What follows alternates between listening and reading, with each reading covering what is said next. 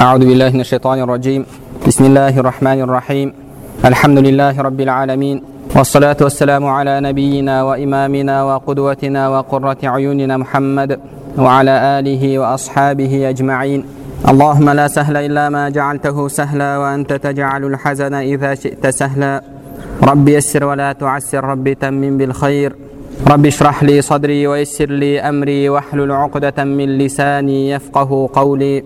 اللهم علمنا ما ينفعنا وانفعنا بما علمتنا وزدنا علما وعملا وتقا وإخلاصا يا رب العالمين أما بعد السلام عليكم ورحمة الله وبركاته إن شاء الله алла субханала тағаланың қалауымен өткен жұмаларда бастаған тақырыбымызды жалғастырамыз біз өткен жұмаларда адамның нәпсісін тазалауда өте маңызды болған бір мәселе мұрабата мәселесі жайында әңгіме қозғаған едік мұрабата дегеніміз ең бірінші адам баласы таңертең ұйқысынан оянған кезде өзіне бір сәт көңіл бөліп өзіне міндеттер жүктеп өз нәпсісімен келісім шартқа отыру дегеніміз.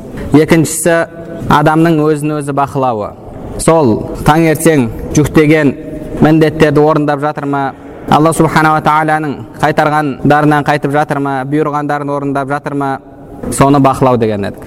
Және үшіншісі кешке ұйқыға кетерден алдын тағы да бір сәт өзімізге көңіл бөліп сол таңертеңгі міндеттерді орындадық па орындаған жоқпыз ба сол мәселелер жайында есеп беру деген едік. Және төртіншісі егер күнә істеген болсаңыз өзіңізге жүктеген міндеттерді орындамаған болсаңыз өз нәпсіңізді жазалау деген едік.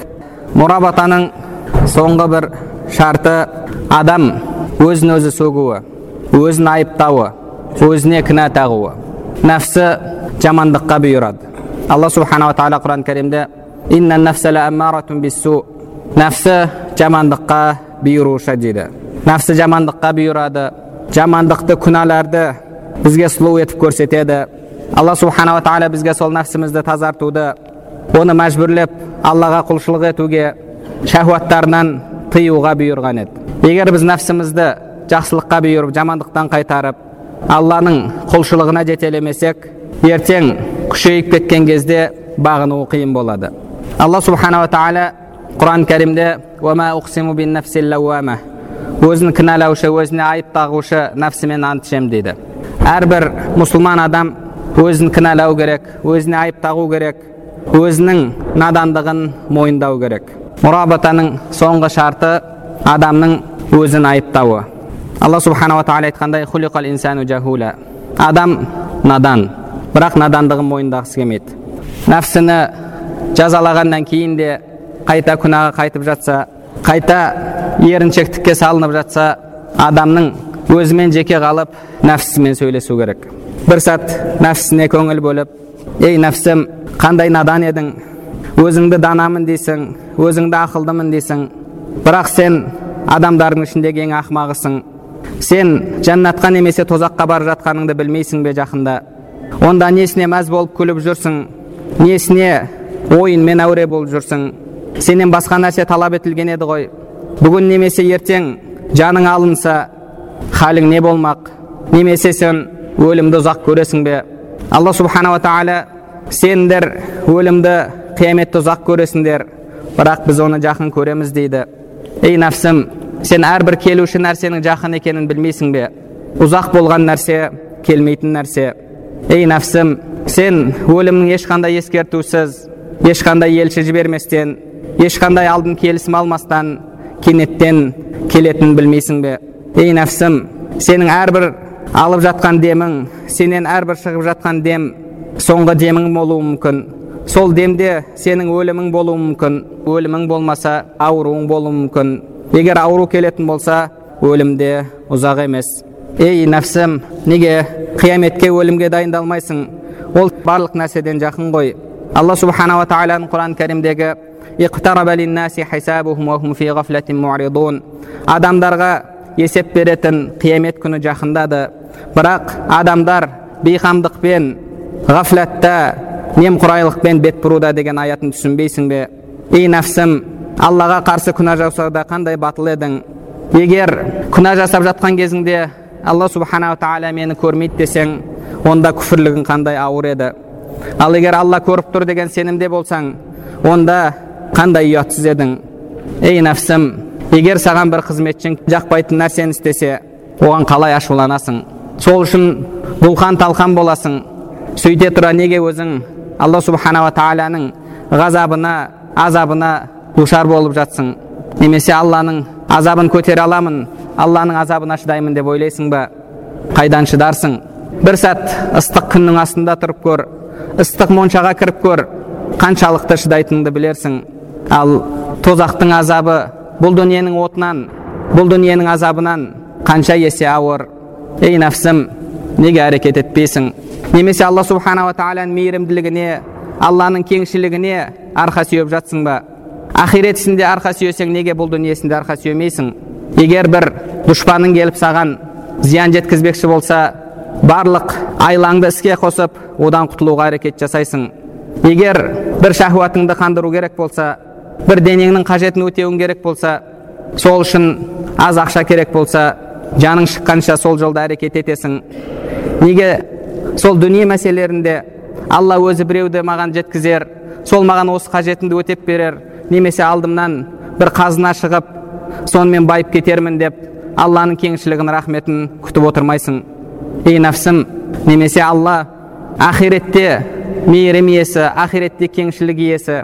Ал бұл дүниеде мейірімді емес бұл дүниеде кеңшілік иесі емес деп ойлайсың ба? Ақиреттің раббысы бұл деннің раббысы бір емес пе?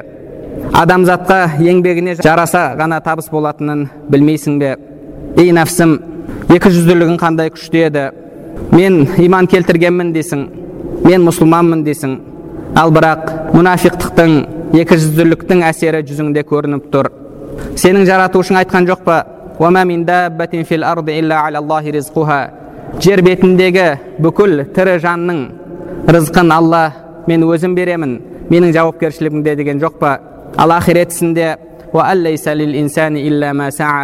адамзатқа еңбегіне жараса ғана табыс болады деген жоқ па саған? Алла тағала бұл дүние ісін өз жауапкершілігіне алды. Дүниенің артынан қума рызқыңды мен жеткіземін маған тәуекел ет рызқыңды менен сұра деді. Ал ақирет ісінде өз қамыңды өзің көр жасаған амалыңа жараса сауап аласың деді. Бірақ сен іс әрекетіңмен алланың сөзін жалғанға шығардың. Бұл дүниеге жыртқыш хайуандар өз олжасына таласқандай таластың. Ал ақирет ісін өзіңе тапсырып еді. Ақирет ісінен бет бұрдың. Бұл иманның белгісі ме? Егер иман тілмен болғанда неге мұнафиқтер тозақтың түбінде болды? Ей нәпсім қияметке иман келтірмейсің бе? Егер өлсем сонымен бәрі бітеді мен құтылып кетем деп ойлайсың ба? Әлбетте ақиретке иман келтірерсің. Егер ақиретті жалғанға шығармасаң онда неге қамыңды көрмейсің неге әрекетіңді жасамайсың? Егер бір кәфір бір мүшрик келіп ең жақсы көретін тағамыңда у бар десе сен шахуатыңды тыйып сол тағамды жемеуге сабыр етер едің. Бір жас бала келіп ей аға артыңда киіміңде шағатын шаян тұр десе одан ешқандай дәлел сұрамастан сол киімді шешіп тастар едің. Сонда бір мүшриктің немесе бір жас баланың сөзі мұжизалармен расталған пайғамбарлардың сөзінен алла субханала тағаланың кітабындағы сөзінен сен үшін қымбатырақ сен үшін сенімдірек болғаны ма ей нәпсім сонда сен үшін бұл дүниедегі бір шаянның шаққаны. Ауруы бір сағатқа созылар екі сағатқа созылар. Ақиреттегі шаяндардың шағуынан ақиреттегі азаптан ақиреттегі іріңдерден ақиреттегі қайнаған судан да ауыр болғаны ма ей нәпсім бұл ақылды адамның ісі емес егер қазір сенің халің жан жануарларға хайуанаттарға белгілі болғанда олар сенің үстіңнен күлер еді сенің ақымақ екеніңді көрер еді ей нәпсім осының бәрін білсең осының бәріне иман келтірсең неге амалды кешіктіресің өлім әрбір сәтте сені күтіп тұрған жоқ па?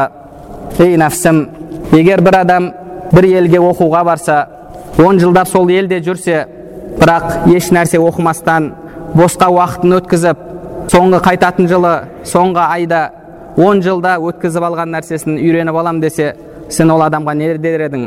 Ол адамның үстінен күлмес пе қандай ақымақ адам демес пе едің? Неге ондай әрекет жасамайсың? Ей нәпсім қартайғанымда өмірімнің соңында өткен күндерімнің бәрін толтырып алам деп ойлайсың ба? Ал жарайды. Аз уақытта сол өткен уақыттың бәрін толтыруға болады дерлік.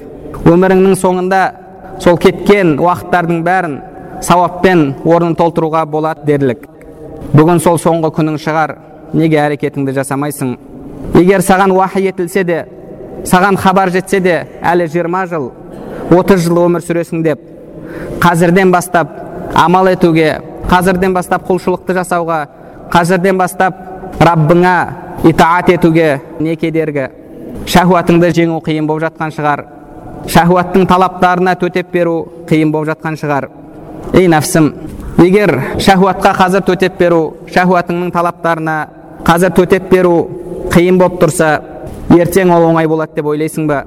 Немесе сен шахуатты жеңу қиын болмайтын жеңіл болатын күн келеді деп ойлайсың ба әлбетте ондай күн келмейді алла субханала тағала ондай күн жаратқан жоқ жәннат қиыншылықтармен қоршалған ал қиыншылық ешқашан адамның нәпсісіне жеңіл болмайды ей нәпсім қаншадан бері өзіңе ертең ертең деп келе жатсың сол ертеңің ертең деген күнің бүгін емес пе неге әрекетіңді жасамайсың немесе тағы да ертең дейсің бе сол ертең деген күнің келген кезде халіңнің қандай болғанын көрген жоқсың ба? егер бүгін әрекетіңді жасалмасаң ертең әрекет жасау одан да қиын болады. Адамның шахуаты тал секілді. Алла субханала тағала соны қопарып жұлып тастауға бұйырған. Егер бүгін жұлып тастауда әлсіздік танытсаң ертең оны жұлып тастау одан да қиын болады. Бүгін жұлып тастауда қиналып ертеңге қалдырған адам жас кезінде бір талды жұлып тастау керек болды сол кезде оны жұлып тастамастан кәртейген кезіне қалдырған адам секілді адам күн өткен сайын кәртие береді бойынан күш қуаты кете береді талдың тамыры ұзаққа кете береді ол жуандай береді үлкен талды кәрі адам қайдан тамырымен қопарып жұлып тастасын егер бүгін нәпсіңе төтеп беру қиын болса онда ертең төтеп беремін деп ойлама кәртейгеніңше жас болған шахуат талы үлкен қара ағашқа қара талға айналады. Кез келген тал шыбық кезінде иіледі шыбық кезінде сындыруға келеді. Бірақ уақыт өткен сайын қатая береді. Одан кейін оны сындыру оны ию қиын болады. И нәпсім осының бәрін білетін болсаң осының бәрін түсінсең неге онда амалды ертеңге қалдырып жатсың? Ал егер түсінбесең онда несіне өзімді ақылдымын десің неге өзімді данамын дейсің неге өзімді кемеңгермін дейсің ей нәпсім құлшылық жасауыңа не кедергі? Мен шахуаттың қажеттіліктеріне шыдай алмаймын сабыр ете алмаймын дерсің қаншалықты ақымақ едің. Егер шахуаттың қажеттіліктеріне шыдай алмайтын болсаң шахуаттан айырылғың келмесе рахаттан айырылғың келмесе неге онда мәңгілік болған рахатты іздемейсің? Ей нәпсім бір ауру адамға. Дәрігер сен қазір ауырып тұрсың. Үш күн саған мұздай су ішуге болмайды. Осы үш күннің ішінде мұздай су ішіп қоятын болсаң одан кейін ауруың күшейіп мұздай су ішуге саған мүлдем мүмкін болмай қалады десе. Ол сонда сол үш күнге шыдай алмай ішіп қойып үш мың күн су ішуден махрұм болса ол адам жайында не дер едің? Қандай ақымақ адам дер едің? Ақылсыз адам дер едің? Үш күн шыдағанда өмірінің қалған бәрінде рахаттанып мұздай су ішіп өмір сүрер еді. Бірақ үш күнге шыдай алмай осындай халге душар болды деп ол адамның үстінен күлер едің. Ал енді неге өзің сол азғантай шахуаттың қажеттіліктеріне шыдай алмайсың? Егер сол қажеттіліктерге шыдап берсең төтеп берсең ертең алланың алдына барған кезде мәңгілік рахатта мәңгілік ләззатта болмас па едің? Бұл дүниенің шахуатының талаптарына шыдай алмасаң ақиретте алланың азабына қалай шыдайсың? Ей нәпсім амалды кешіктіруіңе жасырын күпірлігің себеп пе жасырын күпірлігің аллаға деген иманыңның әлсіздігі қияметке деген иманыңның әлсіздігі. Алла субханала тағаланың ұлықтығын сезінбеуің алланың саған дайындап қойған сауабының немесе азабының үлкендігін сезінбеуің. Ей нәпсім осы саған себеп пе немесе анық ақымақтығың себеп пе сенің ақымақтығың ақирет ісінде алланың кеңшілігіне алланың мейіріміне арқа сүйеп бұл дүниесінде бір жұтым суда бір үзік нанда да алланың рахметіне кемшілігіне арқа сүйемейсің. Сен бұл іс әрекетіңмен бұл сипатыңмен пайғамбарымыз саллаллаху алейхи уассалам ақмақ деген адамдардың қатарына кіресің. Пайғамбарымыз саллаллаху алейхи уассалам ақылды адам өзіне есеп беріп өлімнен кейінгіге ақиретке әрекет жасаған амал еткен адам ал ақмақ адам көңіл қалауына шахуатына еріп одан кейін алладан жақсылық күткен адам дейді ей нәпсім бұл дүние сені алдамасын алдаушы шайтан сені алдамасын уақытыңды бос кетірме уақытыңды жоғалтпа әрбір демің санаулы сенің бір демің шығуымен бір бөлігің кеткендей денсаулығыңды ауру келмей тұрып ғанимет біл. Жастық шағыңды кәрілік келмей тұрып ғанимет біл. Байлығыңды кедейлік келмей тұрып ғанимет біл. Ақиретке сол жақта қанша қалатын болсаң соған жараса әрекет ет. Ей нәпсім сен қысқа қыстың мерзіміне қарай дайындаласың. Қыс үш ай болса сен бір айға жететін отын дайындамайсың бір айға жететін шөп дайындамайсың бір айға жететін көмір дайындамайсың үш айға жететін көмір дайындайсың неге енді қысқа дайындық көруде? Алланың кеңшілігіне рахметіне арқа сүйеп алланың өзі аман алып шығады деп қоя салмайсың. Ақирет ісіне келген кезде алла мейірімді ғой алла кешірімді ғой алла кешірер деп өзіңді алдайсың ей нәпсім немесе сен үшін қыстың суығы қыстың қаһары тозақтың суығынан тозақтың қаһарынан жеңіл болғаны ма ей нәпсім адам баласы қысқа дайындық көрмесе жылы киімін дайындамаса отынын дайындамаса көмірін дайындамаса қыстан аман шығады деп ойлайсың ба алла тағала қыстан аман алып шығады. Қыстан аман шығудың алла субханала тағала өз мейірімділігімен бізге жолын көрсеткен жоқ па? Бізге отынды жаратып берді көмірді жаратып берді бізге жылы киімді берді.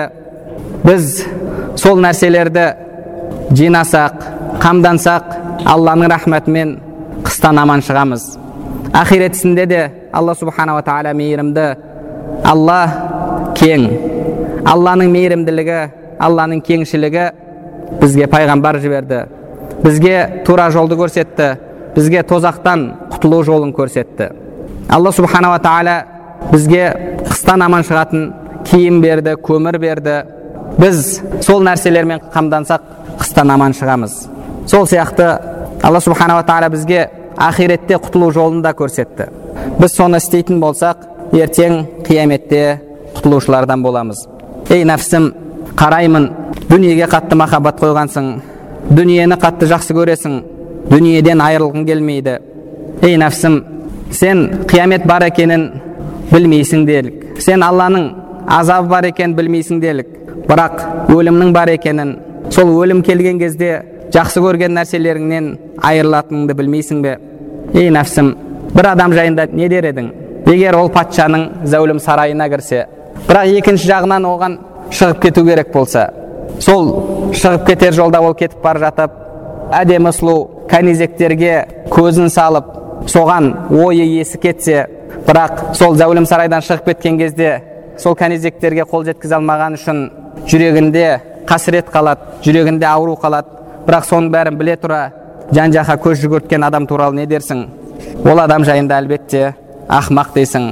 Ей нәпсім неге онда бұл дүниеге сонша махаббат қоясың сен қаншалықты бұл дүниеге махаббат қойсаң ертең өлім келген кезде дүниеден айырылу саған соншалықты қиын болады ей нәпсім өлім келетінін біле тұра бұл дүниеге махаббат қойған адам өзіне қайғы қасірет жинап жатқан адам ол адам ертең өлім келген кезде қатты қиналады ей нәпсім сенен алдын өткендерді көрмейсің бе олар қандай үйлер соқты зәулім сарайлар соқты. Бірақ кейін дүниеден өтті. Артындағыларға мирас болып қалды. Ей нәпсім алдын өткендерді көрмейсің бе? Өздері жемеген нәрсені жинады. Өздері тұрмаған үйлерді соқты. Жете алмайтын нәрселерді үміт етті. Ей нәпсім қанша байларды көрмейсің бе? Бұлтпен жарысқан зәулім үйлер соқты. Бірақ оның тұратын жері жердің астындағы қараңғы қабір еді. Ей нәпсім бұл дүниеде бұдан асқан ақмақтық бар ма? Біреуі дүниеге қатты махаббат қояды дүниесін соғады дүниесін әшекейлейді дүниесін безендіреді бірақ ол анық дүниесін тастап кетіп бара жатыр. Ақиретін соқпайды ақиретінің қамын жасамайды бірақ анық ақиретке бара жатыр. Ей нәпсім ертең алланың алдына барғанда не деп жауап бересің? Бәлкім сен мен өзімше жол таңдай алмаймын мен адамдармен бірге болуды қалаймын көппен көрген ұлы той дейді. Мен адамдар не істесе соны істегім келеді дерсің. Онда неге пайғамбарларға ермейсің? Неге ізгі жандарға ермейсің? Неге шынайы аллаға иман келтіргендерге ермейсің? Өзіңде ақыл болмаса неге сол ақылдылардың артынан ермейсің? Ей нәпсім бәлкім мансабың адамдардың арасындағы құрметің сені мас қылған шығар. Соның себебімен құлшылыққа бет бұра алмай жүрген шығарсың. Ей нәпсім ойлап қарашы. Адамдардың арасындағы атақ құрмет абырой деген не? Ол сол адамдардың жүрегіндегі саған деген құрмет. Ертең жүз жылдан кейін сол сені құрметтеген адамдардың бірі қалады ма? Жүз елу екі жылдан кейін сен де ұмыт боласың. Сені құрметтегендер де сені басына көтеріп жүргендер де ұмыт болады. Алла субханала тағала алдын өткендер жайында олардың бірін сен сезесің бе немесе олардың сыбдырын естисің бе олардың дауысын естисің бе дейді барлығы да кетті барлығы да жоқ болды ей нәпсім елу жылдық жүз жылдық нәрсемен мәңгілік болған ақиретті қалай айырбастайсың сен патша болған күнде де бүкіл жер бетіндегілер сені құрметтеп сені мойындап басына көтеріп жүргенде де ертең жүз жылдан кейін солардың бірі қалмайды. Онда бұл уақытша болған нәрсе үшін қалайша ақиретіңді тастайсың? Ей нәпсім егер ақиретке деген қызығушылығың аз болып надандығыңның соқырлығыңның себебімен дүниеден бет бұра алмасаң дүниеге махаббат қоюдан ұзақтай алмасаң онда неге сол дүниеге жарысуда дүниеге махаббат қоюда саған серік болғандардың дәрежесінің төмендігіне қарап дүниеден бас тартпайсың. Дүниедегі қиыншылықтарға қарап дүниеден бас тартпайсың. Ей нәпсім бұл дүниеде қандай хайыр бар? Егер алланың алдында дәрежелері төмен болған ертең тозаққа отын болған мүшіріктер кәфірлер ол дүниеде сенен озып жатса бұл дүниеде қаншама кәфірлер бар қаншама мүшіріктер бар қаншама алланың ғазабына ұшырағандар бар. Сенен де менен де дүниелері көп олардың дүниелері артық. Кәфірге де мүшірікке де берілетін дүниенің алланың алдында қандай салмағы болсын сондай салмақсыз болған құнсыз болған нәрсені қалайсың? Ал мәңгілік болған ақиреттен бет бұрасың. Ей нәпсім қандай ақмақ едің? Егер пайғамбарлармен ізгі жандармен жәннатта бірге болуды тастап мүшіріктермен кәфірлердің қатарында солармен бірге болуды өзіңе қанағат тұтсаң соған разы болсаң онда қаншалықты ақмақ едің. Сен бұныңмен бұл дүниені де ақиретті де жоғалтасың. Бұл дүниеден де ұтылған ақиретте де ұтылған адамға өкініш болсын. Ей нәпсім әрекетіңді жаса. Өлім жақын қалды ескертуші келді. Өлгеннен кейін сен үшін кім намаз оқиды? Сен үшін кім ораза тұтады? Сен үшін кім жақсы амалдар жасайды? Ей нәпсім бұл дүние санаулы күндер ғана. Санаулы күндердің азы ғана қалды. Сол аз күндеріңді бәсекеге тік. Егер өткен күндерің үшін қанша жыласаң да арзиды. Бірақ сен өткен күндерің үшін жылаудың орнына әлі де сол ескі әніңе салып әдетіңе салып күнәға батып жүрсің. Ей нәпсім барар жерің қабір екенін жамылатын көрпең топырақ екенін достарың құрт құмырсқалар екенін алдыңда үлкен азап күтіп тұрғанын білмейсің бе? Ей нәпсім өлім періштесі сен тұрған қаланың қақпасын қағып пәленшінің жанын алмай артқа кетпеймін деп тұрғанын білмейсің бе? Ей нәпсім біле білсең бақилық болғандар алла субханала тағаланың азабына душар болғандар саған берілген осы күндердің бір күнін сатып алу мүмкіншілігіне ие болса тірі кездерінде жинаған бүкіл мал мүлік дүниелерін беріп сенің бір күніңді сатып алар еді. Бірақ сен солар армандап жатқан қанша күндерді босқа жіберіп жатсың? Босқа жіберу былай тұрсын күнәға толтырып өткізіп жатсың. Ей нәпсім ұялмайсың ба? Адамдар үшін сыртқы келбетіңді безендіресің өзіңді әдемілейсің. Бірақ ішің күнәға толы ішің тәкаппарлыққа толы ішің өлік сасып жатыр. Раббыңнан ұялмайсың адамдардан ұяласың ей нәпсім сонда адамдардың көзқарасы саған алланың назарынан да маңыздырақ болғаны ма ей нәпсім адамдарды жақсылыққа шақырасың. Бірақ өзің күнәға пасықтыққа батып жүрсің. Адамдарды аллаға шақырасың. Бірақ өзің алладан қашудасың. Адамдарға алланы естеріне саласың. Бірақ өзің алланы ұмытып жүрсің. Ей нәпсім күнәһар адам нәжістен де өлекседен де өліктен де сасығырақ екенін одан да ауырырақ нәжіс екенін білмейсің бе? Ал нәжіс болған зат нәжіс болған нәрсе басқа бір нәрсені қалай тазартсын? Ей нәпсім егер өз халіңді білгенде өзіңнің ақиқатыңды білгенде адамдарға жетіп жатқан қайғы адамдарға жетіп жатқан қиыншылық менің ғана себебіммен деп білер едің. Ей нәпсім өзіңді шайтанның есеге еттің. Сені қалаған жағына жетелейді. Сенің үстіңнен күліп жатыр. Сонда да өзіңе разы болып жүрсің. Амалдарыңа мәз боласың. Алла тағала іблісті бір күнәнің себебімен рахметінен қуған жоқ па? Адам ата бір күнә істеумен жәннаттан шығарылған жоқ па?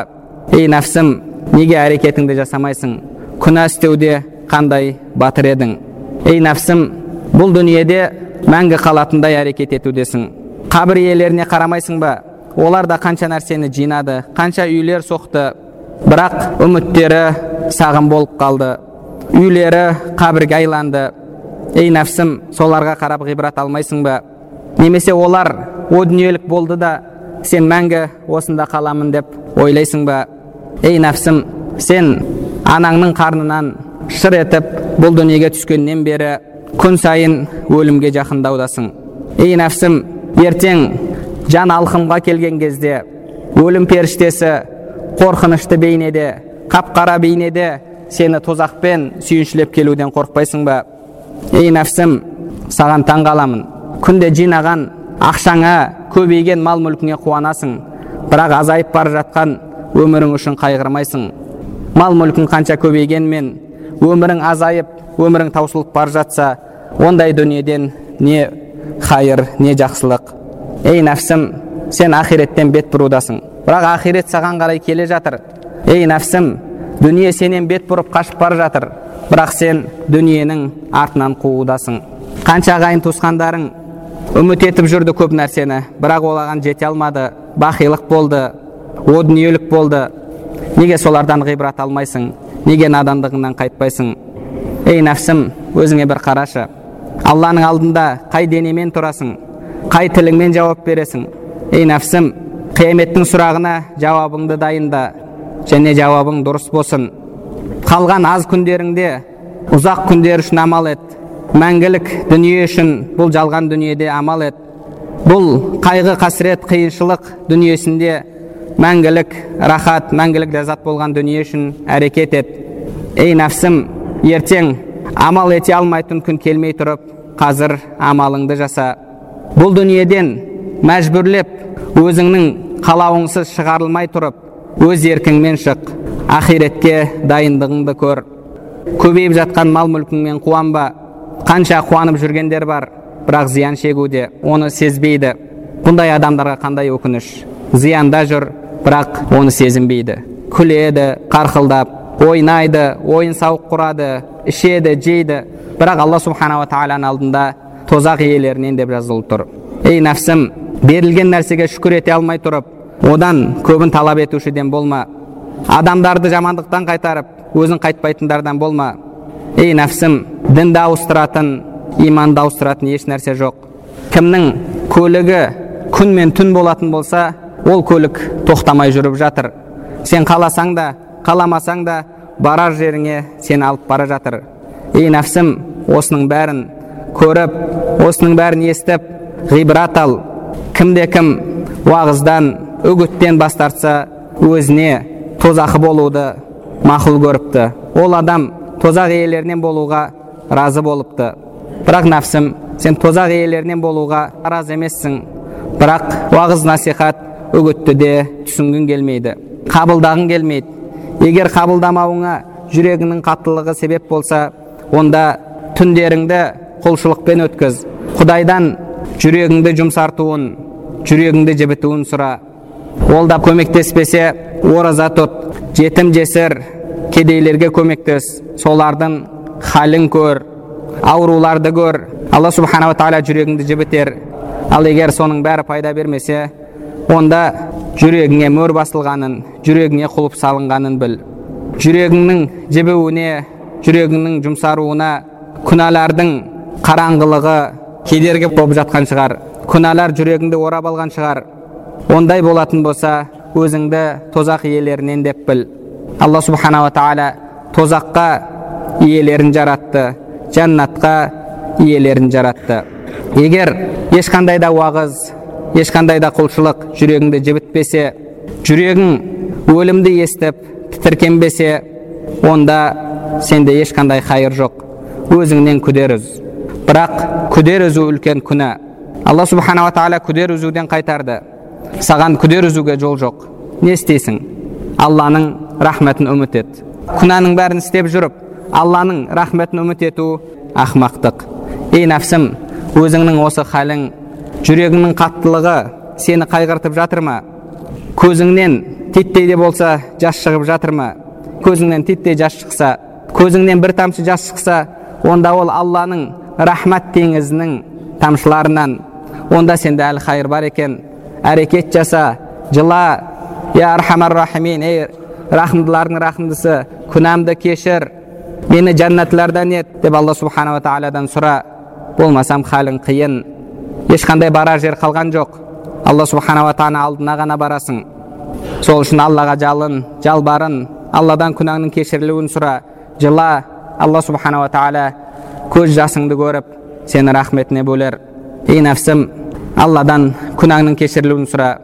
Я архамар рахимин ей рахымдылардың рахымдысы ей рахымды ей мейірімді ей жұмсақ мен сенің күнәһар пендеңмін мен сенен ұялмастан күнәларыңды істеп жүрген пендеңмін. Міне алдыңа келіп тұрмын. Тәубе есігіңді қағып жатырмын. Менің күнәмді кешір өз рахметіңе бөле маған иманның ләззатын сезінуді нәсіп ет деп алла субханала тағаладан сұра бұлай дұға жасауда сен өзіңнің бірінші атаң адам атаға ұқсайсың адам алейхисалам жәннаттан қуылғаннан кейін раббысына дұға етті деді ей раббым менің халім мүшкіл күнәларым мені орап алды мен жәннаттан бұл дүниеге қуылдым. Бақыттылық жерінен бақытсыздыққа қуылдым. Рахат өмірден қиыншылық өміріне қуылдым. Мәңгілік өмірден уақытша өмірге қуылдым. Қалайша күнәма жыламайын деп дұға еткен екен. Басқа бір ізгі кісі ей раббым өмірім өткен сайын күнәм ұлғаюда күнә істеуді тастаған сайын шайтан маған басқа күнәні істетіп жатыр. Ей раббым сені көрмей тұр деп істеп жатқан жоқпын. Сенің әмірлеріңді бұйрықтарыңа жеңіл қарап істеп жатқан жоқпын. Сенің азабыңды еш нәрсе көрмей істеп жатқан жоқпын. Нәпсім маған осыны әдемі көрсетті. Нәпсім маған осыны жақсы көрсетті. Әшкере етпеуің адамдардың алдында масқара етпеуің күнәларымды ешкімнің білмеуі мені алдады. Сол үшін де нәпсіме беріліп күнә істеп жүрмін я архамар рахимин ей мейірімділердің мейірімдісі егер мені кешірмесең сенен басқа кім кешіреді егер сенің жібің үзілсе басқа кімнің жібіне жабысамын ертең қиямет күнінде тозақ иелері тозаққа жәннат иелері жәннатқа деген кезде халім қандай болмақ маған қандай өкініш тозақ иелерімен тозаққа құлаймын ба немесе жәннат иелерімен жәннатқа барамын ба маған қандай өкініш болсын. Жасым ұлғайған сайын күнәм да ұлғайып бара жатыр. Күндер өткен сайын күнәларым да көбейіп бара жатыр. Қашан тәубе етем? Қашан құлшылық жасаймын қашан күнәларды тастаймын? Қашан жәннат иелерінің қатарына қосыламын? Я архамар рахимин я алла күнәларымызды өзің кешіре көр қатайған жүректерімізді жібіте көр бізді сол сүйікті құлдарыңның қатарында ертең пайғамбарымыз саллаллаху алейхи уассаламның жанында фирдаус жәннаттарында бірге болуды нәсіп ете көр әрбір адам бір сәтке өзіне көңіл бөліп өз нәпсісімен сөйлесіп өзінің осындай қаншалықты күнәһар екенін есіне салып әрекет жасауы керек әрбір адам иншалла осы мұрабатада жүретін болса яғни әрбір таңда өзіне көңіл бөлетін болса өзіне міндеттер жүктейтін болса күндіздері өзін бақылайтын болса кешке өзіне есеп қисап алатын болса күнәлар істеп қойса өзін ибадат құлшылықтармен жазалайтын болса өзін әрдайым кінәлап өзіне сөгіс жариялайтын болса өзінің кемшіліктерін іздейтін болса иншалла орныққан тыныштық тапқан нәпсі иелерінің қатарында алла субханала тағаланың сүйікті құлдарының қатарында жәннатқа кіреді. Мәңгі болған жәннатта болады алла субханала тағаланың жамал дидарын көрушілерден болады алла субханала тағала бәрімізге соны нәсіп етсін алла субханала тағала бәріміздің тақуалықтарымызды арттырсын шынайы алла субханала тағаладан қорқатын алла зікір етілсе елжірейтін жүрек иелерінен етуді алла субханала тағала аяттары оқылған кезде имандары артатын алланың сүйікті құлдарынан болуды бәрімізге нәсіп етсін алла субханала тағала бәрімізге пайдалы білім нәсіп етсін білімдерімізге амал қылуымызды амалдарымыздың қабыл болуын нәсіп етсін субханак